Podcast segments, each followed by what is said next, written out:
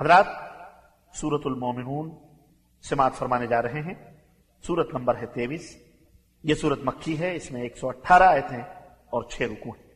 اس سورت کو سورت المومنون اس لیے کہا جاتا ہے اس کی پہلی آیت اللہ نے ارشاد فرمایا، قد افلح المؤمنون۔ اس کے اندر المومنون کا لفظ آیا ہے، اسی سے یہ ماخوذ ہے۔ مفسر مہائمی نے لکھا ہے کہ چونکہ اس سورت کی ابتدا میں اور آیات ستاون سے لے کر اکسٹھ تک مومنوں کی عظیم صفات اور ان سے متصف ہونے کا نتیجہ بیان کیا گیا ہے، اسی لیے اس کا یہ نام رکھ دیا گیا ہے۔ امام قرطبی کہتے ہیں کہ یہ سورت سب کے نزدیک مکی ہے۔ امام احمد اور امام مسلم نے عبداللہ بن صاحب سے روایت کیا ہے کہ نبی کریم صلی اللہ علیہ وسلم نے مکے میں صبح کی نماز میں سورت المومنون پڑھی۔ یہاں تک کہ جب موسا و ہارون اور عیسیٰ کا ذکر آیا تو آپ کو کھانسی شروع ہو گئی۔ اس لیے رکو میں چلے گئے۔ موسا اور ہارون کا ذکر آیت نمبر پینتالیس میں۔ تو لیجیے سماعت فرمائیے۔ سورت المومنون أعوذ بالله من الشيطان الرجيم اللہ کے ذریعے میں شیطان مردود سے پناہ مانگتا ہوں۔ بسم الله الرحمن الرحيم اللہ کے نام سے شروع جو بڑا مہربان نہایت رحم والا ہے۔ قد أفلح المؤمنون۔ ایماندار لوگ کامیاب ہو گئے۔ الذين هم في صلاتهم خاشعون۔ جو اپنی صلاح میں آجزی کرتے ہیں۔ والذين هم عن اللغو معرضون۔ اور جو لغو باتوں سے اعراض کرتے ہیں۔ والذين هم للزكاة فاعلون۔ اور جو زکوٰۃ ادا کرتے ہیں۔ والذين هم لفروجهم حافظون اور جو اپنی شرمگاہوں کی حفاظت کرتے ہیں۔ إلا على أزواجهم أو ما ملكت أيمانهم فإنهم غير ملومين سوائے اپنی بیویوں اور کنیزوں کے جو ان کے قبضے میں ہوں کیونکہ ان کے سلسلے میں ان پر کوئی ملامت نہیں۔ فمن ابتغى وراء ذلك فأولئك هم العادون البتہ ان کے سوا جو کوئی اور ذریعہ چاہے تو ایسے ہی لوگ حد سے بڑھنے والے ہیں۔ والذين هم لأماناتهم وعهدهم راعون اور جو اپنی امانتوں اور عہد کا پاس رکھتے ہیں۔ والذين هم على صلواتهم يحافظون. اور جو اپنی نمازوں پر محافظت کرتے ہیں۔ أولئك هم الوارثون۔ الذين يرثون الفردوس هم فيها خالدون۔ یہی لوگ ایسے وارث ہیں جو فردوس کے مالک ہوں گے اور اس میں دائمی طور پر رہیں گے۔ وَلَقَدْ خَلَقْنَا الْإِنسَانَ مِنْ سُلَالَةٍ مِنْ طِينٍ اور ہم نے انسان کو مٹی کے ٹھیکرے سے پیدا کیا۔ ثم جعلناه نطفة في قرار مكين۔ پھر ہم نے اسے ایک محفوظ مقام رحم مادر میں نطفہ بنا کر رکھا۔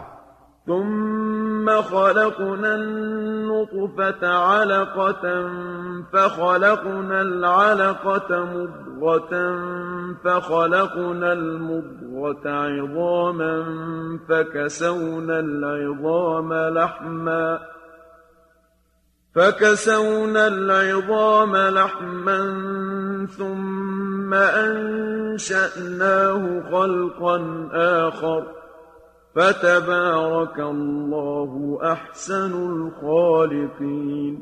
پھر نطفہ کو لوتھڑا بنایا، پھر لوتھڑے کو بوٹی بنایا، پھر بوٹی کو ہڈیاں بنایا، پھر ہڈیوں پر گوشت چڑھایا، پھر ہم نے اسے ایک اور ہی مخلوق بنا کر پیدا کر دیا۔ بس بڑا بابرکت ہے اللہ جو سب سے بہتر بنانے والا ہے۔ ثم إنكم بعد ذلك لميتون ثم إنكم يوم القيامة تبعثون پھر اس کے بعد تمہیں ضرور مرنا ہوگا۔ پھر یقیناً تم قیامت کے دن دوبارہ اٹھائے جاؤ گے۔ وَلَقَدْ خَلَقْنَا فَوْقَكُمْ سَبْعَ طَرَائِقَ وَمَا كُنَّا عَنِ الْخَلْقِ غَافِلِينَ اور ہم نے تمہارے اوپر سات طبقے آسمانوں کے پیدا کیے ہیں اور ہم اپنی مخلوق سے غافل نہیں۔ وَأَنزَلْنَا مِنَ السَّمَاءِ مَاءً بِقَدَرٍ فَأَسْكَنَّاهُ فِي الْأَرْضِ وَإِنَّا عَلَى ذَهَابٍ بِهِ لَقَادِرُونَ اور ہم نے آسمان سے ایک خاص مقدار میں پانی اتارا، جسے ہم نے زمین میں ٹھہرا دیا، اور یقیناً ہم اس کو لے جانے پر بھی قادر ہیں۔ فأنشأنا لكم به جنات من نخيل وأعناب لكم فيها فواكه كثيرة لكم فيها فواكه كثيرة ومنها تأكلون پھر ہم نے اس پانی سے کھجوروں اور انگوروں کے باغ پیدا کیے جن سے تمہیں بہت سے پھل حاصل ہوتے ہیں۔ اور انہیں تم کھاتے ہو۔ وشجرة تخرج من طور سيناء تنبت بالدهن وصبغ للآكلين۔ اور اسی پانی سے تور سینا سے ایک درخت اگتا ہے جو روغن لیے اگتا ہے اور کھانے والوں کو سالن کا کام دیتا ہے۔ وَإِنَّ لَكُمْ فِي الْأَنْعَامِ لَعِبْرَةً نسقيكم مما في بطونها ولكم فيها منافع كثيرة ومنها تأكلون. یقیناً تمہارے لیے چوپاؤں میں بھی عبرت ہے. ان کے پیٹوں میں ایک چیز ہے جو ہم تمہیں پلاتے ہیں اور تمہارے لیے اس میں بہت فوائد ہیں اور ان میں بعض کو تم کھاتے ہو۔ وعليها وعلى الفلك تحملون۔ اسی طرح ان پر اور کشتیوں پر سوار ہوتے ہو۔ وَلَقَدْ أَرْسَلْنَا نُوحًا إِلَىٰ قَوْمِهِ فَقَالَ يَا قَوْمِ اعْبُدُوا اللَّهَ مَا لَكُم مِّنْ إِلَٰهٍ غَيْرُهُ أَفَلَا تَتَّقُونَ۔ اور یقیناً ہم نے نوح کو اس کی قوم کی طرف بھیجا تو اس نے کہا اے میری قوم اللہ کی عبادت کرو جس کے بغیر تمہارا کوئی الہ نہیں۔ کیا تم ڈرتے نہیں فقال الملأ الذين كفروا من قومه ما هذا إلا بشر مثلكم يريد أن يتفضل عليكم ۖ يريد أن يتفضل عليكم ولو شاء الله لأنزل ملائكة ما سمعنا بهذا في آبائنا الأولين. اس کی قوم کے جن سرداروں نے کفر کیا تھا، کہنے لگے، یہ تو تمہارے ہی جیسا انسان ہے جو چاہتا ہے کہ تم پر برتری حاصل کرے۔ اور اگر اللہ چاہتا تو فرشتے نازل کرتا۔ یہ بات تو ہم نے اپنے آبا و اجداد کے وقتوں میں کبھی سنی ہی نہیں۔ ان هو الا رجل به جنة فتربصوا به حتى حين۔ اس آدمی کو تو محض جنون ہو گیا ہے لہذا کچھ مدت اور انتظار کرو۔ قال رب انصرني بما كذبون۔ نوح نے دعا کی اے میرے رب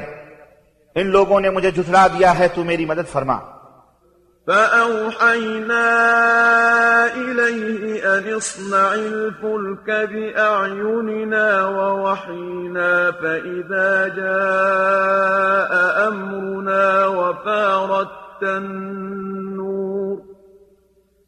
فإذا جاء أمرنا وَفَارَتِ النور فاسلك فيها من كل زوجين اثنين وأهلك إلا من سبق عليه القول منهم.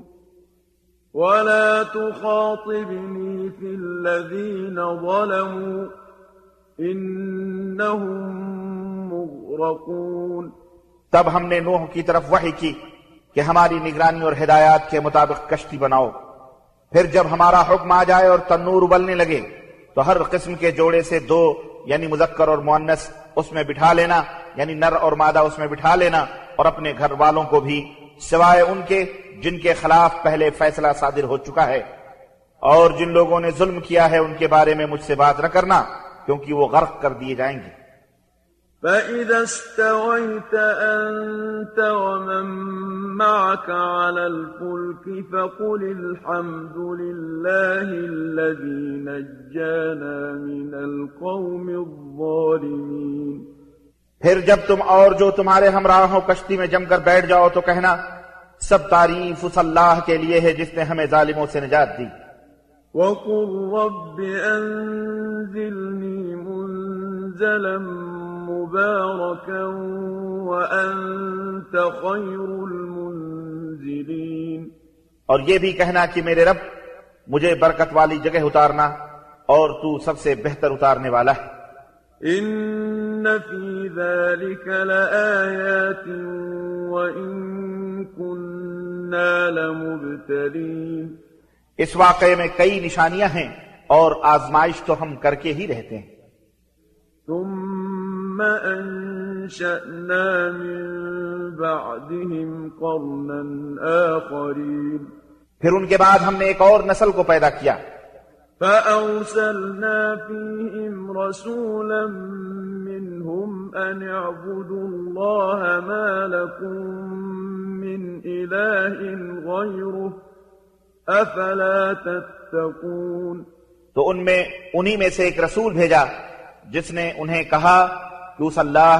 کی عبادت کرو جس کے سوا تمہارا کوئی الہ نہیں کیا تم ڈرتے نہیں وقال الملأ من قومه الذين كفروا وكذبوا بلقاء الآخرة وأترفناهم ۖ وأترفناهم في الحياة الدنيا ما هذا إلا بشر مثلكم يأكل مما تأكلون منه يأكل مما تأكلون منه ويشرب مما تشربون اور اس کی قوم کے جن سرداروں نے انکار کیا اور آخرت کی ملاقات کو جھٹلایا اور جنہیں ہم نے دنیا کی زندگی میں عیش و آرام دے رکھا تھا کہنے لگے، یہ تو تم ہی جیسا انسان ہے، وہی کچھ کھاتا ہے جو تم کھاتے ہو، اور پیتا بھی وہی کچھ ہے جو تم پیتے ہو۔ ولئن أطعتم بشرا مثلكم إنكم إذا لخاسرون اور اگر تم نے اپنے ہی جیسے ایک آدمی کی اطاعت کر لی تو پھر تو تم خسارے میں ہی رہو گے۔ أيعدكم أنكم إذا متم وكنتم ترابا وعظاما أنكم مخرجون۔ کیا تمہیں وہ یہ کہتا ہے کہ جب تم مر جاؤ گے اور مٹی اور ہڈیاں بن جاؤ گے تو تم دوبارہ اٹھائے جاؤ گے؟ لما توعدون. یہ بات تو بعید دخل و قیاس ہے جس کا تمہیں وعدہ دیا جا رہا ہے۔ إن هي إلا حياتنا الدنيا نموت ونحيا وما نحن بمبعوثين. زندگی تو بس یہی دنیا کی زندگی ہے۔ ہم مرتے ہیں اور جیتے یعنی پیدا ہوتے ہیں اور ہم ہرگز اٹھائے نہیں جائیں گے۔ إن هو إلا رجل افترى على الله كذبا وما نحن له بمؤمنين۔ یہ ایک ایسا آدمی ہے جس نے اللہ پر جھوٹ باندھا ہے اور ہم کبھی اس کی بات نہیں مانیں گے۔ قال رب انصرني بما كذبون۔ رسول نے دعا کی ہے ہمارے رب ان لوگوں نے مجھے جھٹلایا ہے تو میری مدد فرما۔ قال عما قليل ليصبحن نادمين. اللہ نے فرمایا تھوڑے عرصے بعد یہ پچھتانے لگیں گے۔ فأخذتهم الصيحة بالحق فجعلناهم غثاء فبعدا للقوم الظالمين. چنانچہ ٹھیک حق کے مطابق ایک ہیبتناک چیخ نے انہیں آ لیا تو ہم نے انہیں خسو خاشاک بنا کے رکھ دیا۔ سو ظالم لوگوں کے لیے پھٹکار ہی پھٹکار ہے۔ ثم أنشأنا من بعدهم قرونا آخرين۔ پھر ان کے بعد ہم نے کئی اور قومیں پیدا کی ما تسبق من أمة أجلها وما يستأخرون۔ کوئی بھی قوم نہ اپنے وقت سے پہلے ختم ہوئی اور نہ اس کے بعد ٹھہر سکی ثم أرسلنا رسلنا تترا كلما جاء أمة رسولها كذبوه فأتبعنا بعضهم بعضا وجعلناهم أحاديث فبعدا لقوم لا يؤمنون. پھر اس کے بعد ہم نے پیدر پہ اپنے رسول بھیجے۔ جب بھی کسی قوم کے پاس اس کا رسول آتا تو وہ اسے جھٹلا دیتے۔ تو ہم ایک قوم کے بعد دوسری قوم کو ہلاک کرتے رہے۔ حتیٰ کہ انہیں افسانے بنا دیا۔ سو ان لوگوں پر پھٹکار ہو جو ایمان نہیں لاتے۔ ثم أرسلنا موسى وأخاه هارون بآياتنا وسلطان مبين. پھر ہم نے موسا اور اس کے بھائی ہارون کو موجزے اور روشن دلیل دے کر بھیجا۔ إلى فرعون وملئه فاستكبروا وكانوا قوما عالين. فرعون اور اس کے سرداروں کی طرف بھیجا تو وہ اکڑ گئے اور وہ تھے ہی سرکش لوگ۔ فقالوا أنؤمن لبشرين مثلنا وقومهما لنا عابدون وہ لوگ کہنے لگے کیا ہم اپنے ہی جیسے دو آدمیوں پر ایمان لائیں جبکہ ان کی قوم ہماری غلام ہے؟ فكذبوهما فكانوا من المهلكين چنانچہ انہوں نے ان دونوں کو جھٹلا دیا تو وہ بھی ہلاک ہونے والوں میں شامل ہو گئے۔ ولقد آتينا موسى الكتاب لعلهم يهتدون اور ہم نے موسا کو کتاب دی تھی کہ وہ لوگ اس سے رہنمائی حاصل کریں۔ وجعلنا ابن مريم وأمه آية وآويناهما إلى ربوة ذات قرار ومعين اور ہم نے عیسیٰ ابن مریم کو اور اس کی والدہ کو ایک نشانی بنایا اور ایک ایسے ٹیلے پر جگہ دی جو قابل اطمینان تھی اور وہاں چشمہ بھی موجود تھا۔ يا أيها الرسل كلوا من الطيبات واعملوا صالحا إني بما تعملون عليم اے رسولوں کی جماعت پاکیزہ چیزیں کھاؤ اور نیک اعمال کرو۔ جو کچھ تم کر رہے ہو میں اسے خوب جانتا ہوں۔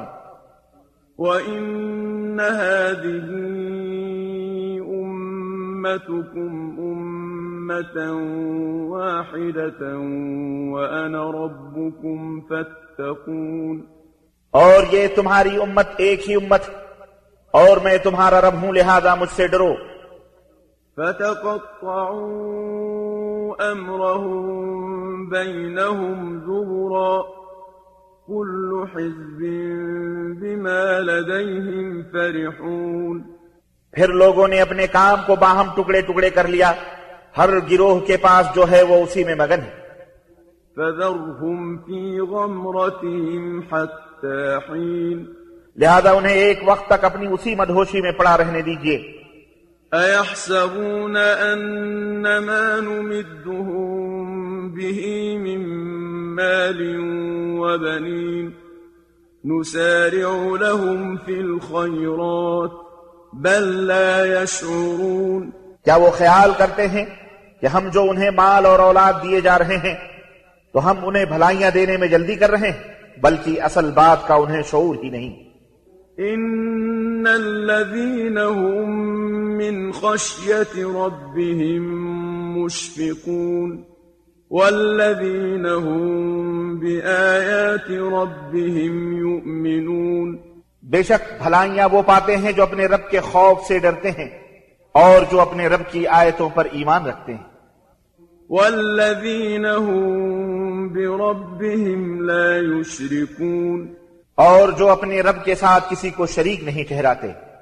والذين يؤتون ما آتوا وقلوبهم وجلة أنهم إلى ربهم راجعون۔ اور جو اللہ کی راہ میں جو بھی دیں مگر ان کے دلوں کو دھڑکا لگا رہتا ہے کہ وہ اپنے رب کی طرف لوٹنے والے ہیں۔ أولئك يسارعون في الخيرات وهم لها سابقون. یہی لوگ نیک کاموں میں جلدی کرتے اور ایک دوسرے سے بڑھنے کی کوشش کرتے ہیں۔ ولا نكلف نفسا إلا وسعها ولدينا كتاب ينطق بالحق وهم لا يظلمون ہم کسی کو اس کی طاقت سے زیادہ تکلیف نہیں دیتے۔ اور ہمارے پاس کتاب یعنی نام اعمال ہے جو سچ بیان کرے گی اور ان کی حق تلفی نہ ہوگی۔ بل قلوبهم في غمرة من هذا ولهم أعمال من دون ذلك هم لها عاملون۔ بلکہ اس سے تو ان کے دل غافل ہیں اور ان کے کئی برے اعمال ہیں جو وہ کر رہے ہیں۔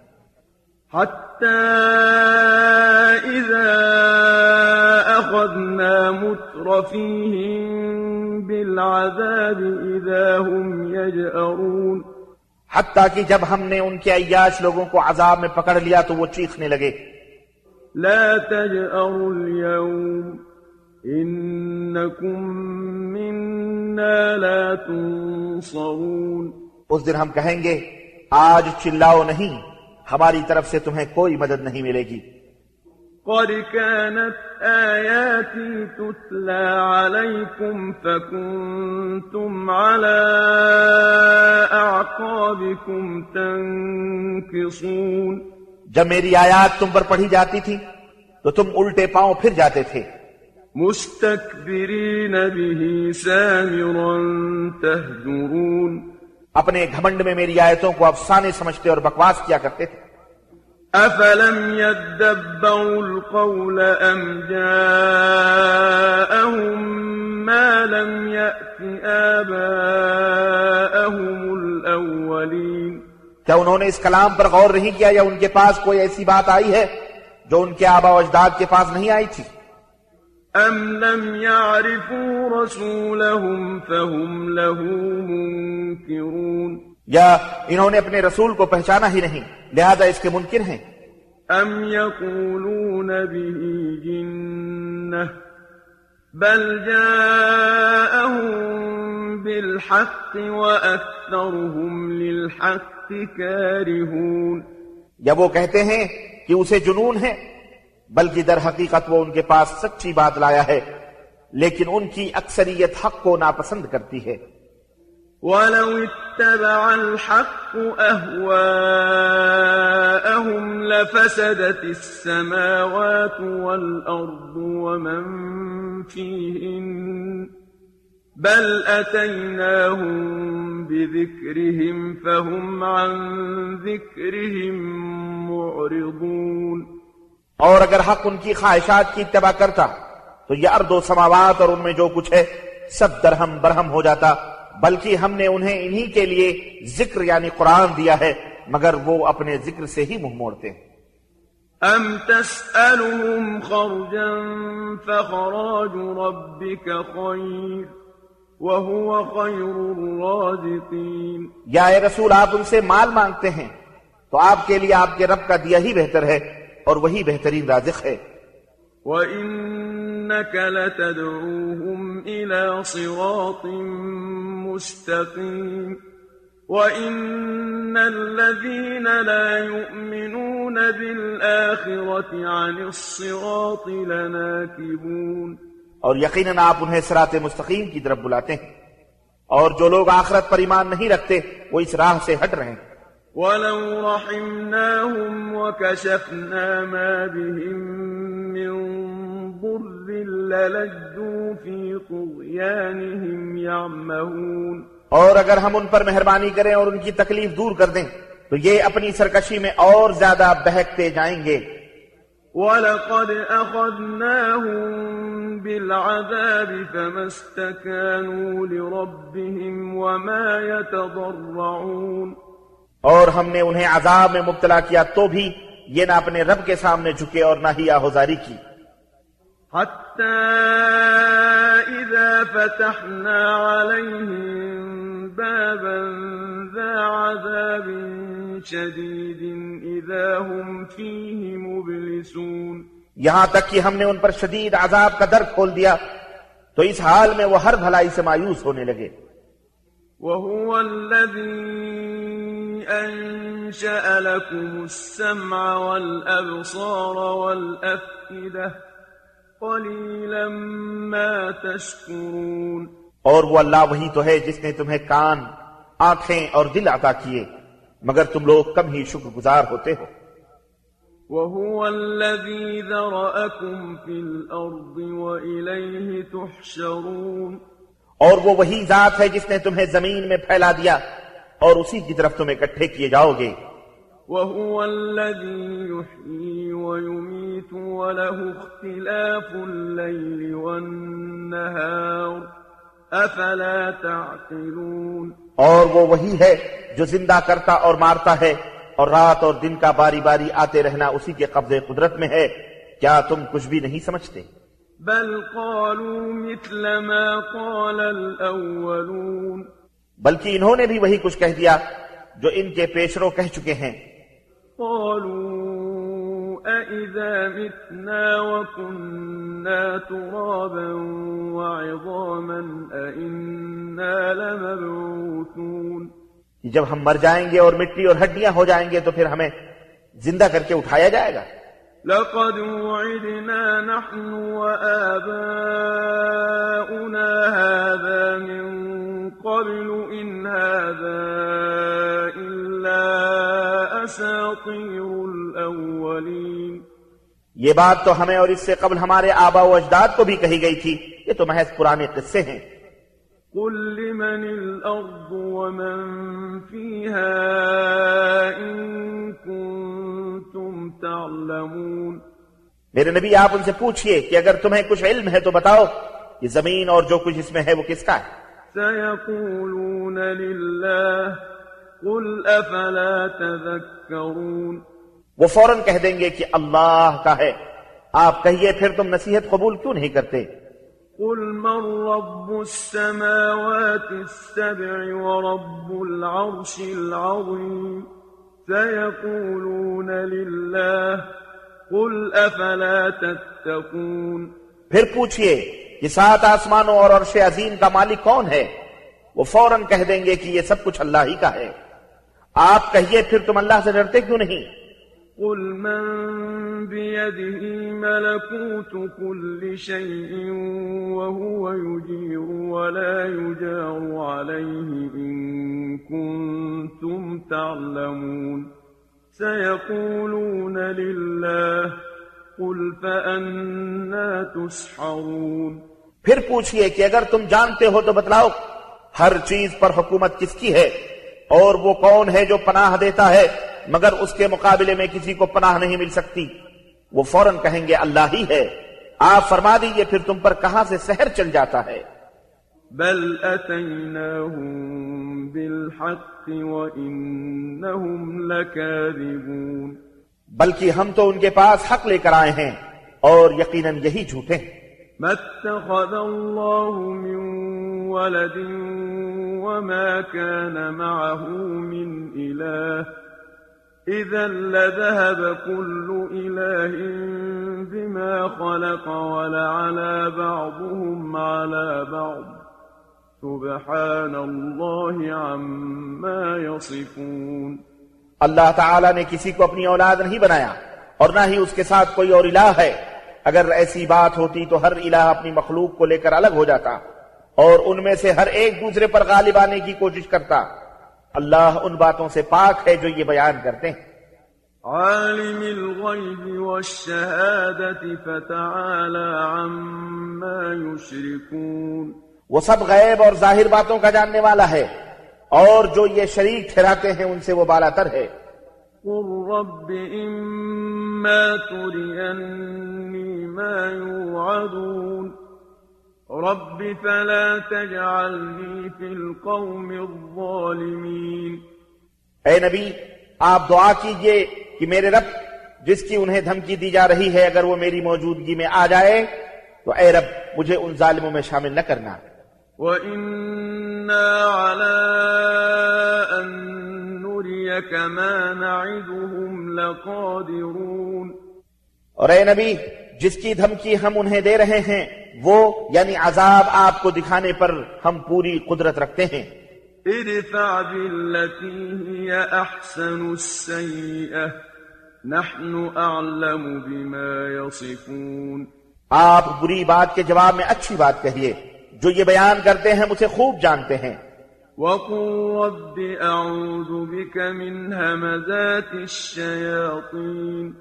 نیز آپ یہ بھی کہیے کہ اے میرے رب میں شیطان کی اکساہٹوں سے تیری پناہ مانگتا ہوں۔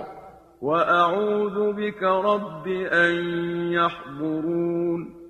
اور اس سے بھی اے میرے رب تیری پناہ مانگتا ہوں کہ وہ آئیں۔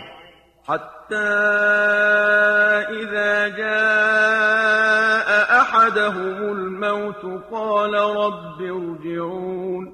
یہاں تک کہ ان میں سے کسی کو جب موت آئے گی تو کہے گا اے میرے رب مجھے واپس بھیج دے۔ لعلي أعمل صالحا فيما ترك. كلا إنها كلمة هو قائلها ومن ورائهم برزخ إلى يوم يبعثون. جسے میں چھوڑ آیا ہوں امید ہے کہ اب میں نیک عمل کروں گا۔ ہرگز نہیں۔ یہ بس ایک بات ہوگی جسے اس نے کہہ دیا اور ان کے درمیان دوبارہ جی اٹھنے کے دن تک ایک آڑ ہوگی۔ فإذا نفخ في الصور فلا أنساب بينهم يومئذ ولا يتساءلون۔ پھر جب سور پھونکا جائے گا تو ان کے درمیان کوئی رشتہ نہ رہے گا اور نہ ہی اس دن کوئی ایک دوسرے کو پوچھے گا۔ فمن ثقلت موازينه فأولئك هم المفلحون. اس دن جن کے پڑے بھاری ہوں گے وہ تو کامیاب ہوں گے ومن خفت موازينه فأولئك الذين خسروا أنفسهم في جهنم خالدون. اور جن کے ہلکے ہوں گے تو یہی وہ لوگ ہیں جنہوں نے اپنے آپ کو خسارے میں رکھا۔ وہ ہمیشہ ہمیں جہنم میں رہیں گے۔ تلفح وجوههم النار وهم فيها كالحون جہنم کی آگ ان کے چہروں کو جھلس دے گی اور ان کے جبڑے باہر نکلے ہوئے ہوں گے۔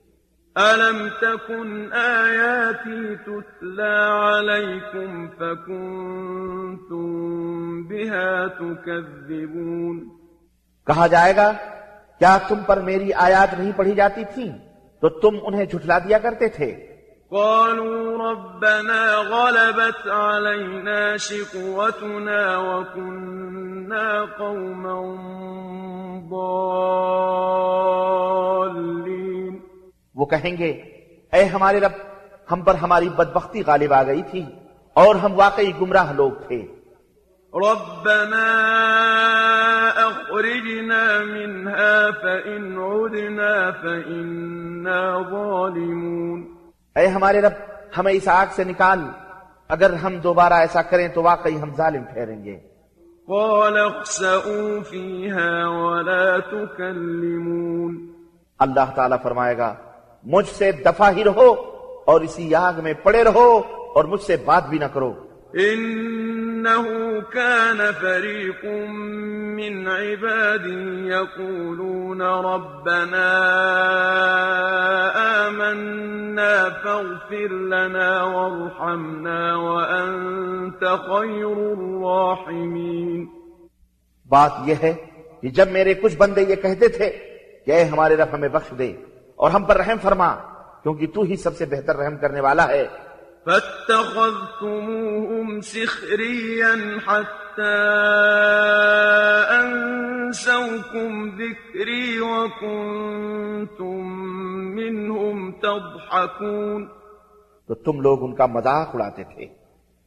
حتیٰ کہ ان کے ساتھ اس مشغلے نے تمہیں میری یاد بھی بھلا دی اور تم ان پر ہنسا کرتے تھے۔